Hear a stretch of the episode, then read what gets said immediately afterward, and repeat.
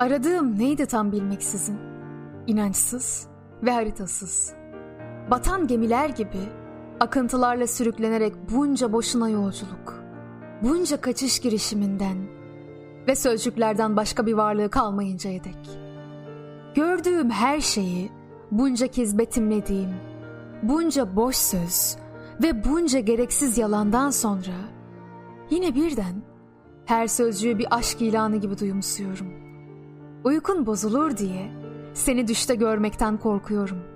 Ve kim bilir belki de bir zamanlar cehennem dediğim gerçekte cehennem üstüne gevşek bir tasarımdı. Ve tanımadığımız limanlarla büyülü adalara bizi sığınmaya zorlasınlar diye.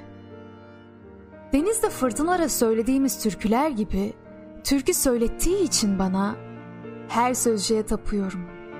Sana yazsam hava yakar mektuplarımı. Karşılamaya gelsem seni atım tökezler. Adları uğruna ekmek, kara zeytin ve yedi dilde şarap sözcüğü yüzünden hırpalandığımız o kentlere tapıyorum. Tapıyorum o hiç görmediğimiz ülkelere. Ateş gibi sıcak toprağa tapıyorum. Beni dans ettirdiği için. Kullanılmış maskelerime tapıyorum. Beni güldürdükleri için. Önemsiz ölümüme tapıyorum. Beni yaşamaya zorladığı için. Ne kadar mutsuzum? Ne kadar mutlu? Özellikle de mutsuzken mi mutluyum? Yoksa mutluyken mi mutsuz bilemiyorum. Nasıl aranayım ben şimdi senin için?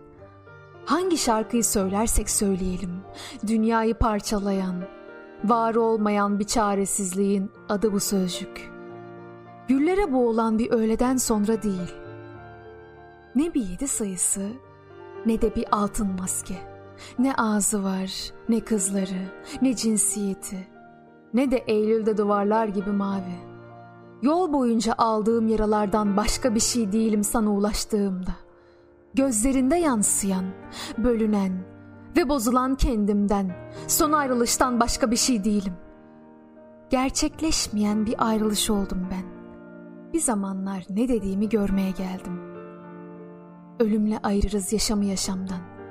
Ölümden ölümü yaşamla ayırırız. Böyle yaşarız ikisini de. İkisini de hiç tanımadan. Ve ben öyle yazdım dünyanın her yerinde. Yeniden doğabilmek içinse öğrenmem gerekiyor unutmayı. Seni yüz yıldır bekliyor olacağım. Öbür gün bin yıldır. Ve ertesi gün ölü bir dilden çevireceğim bu yazdığımı.''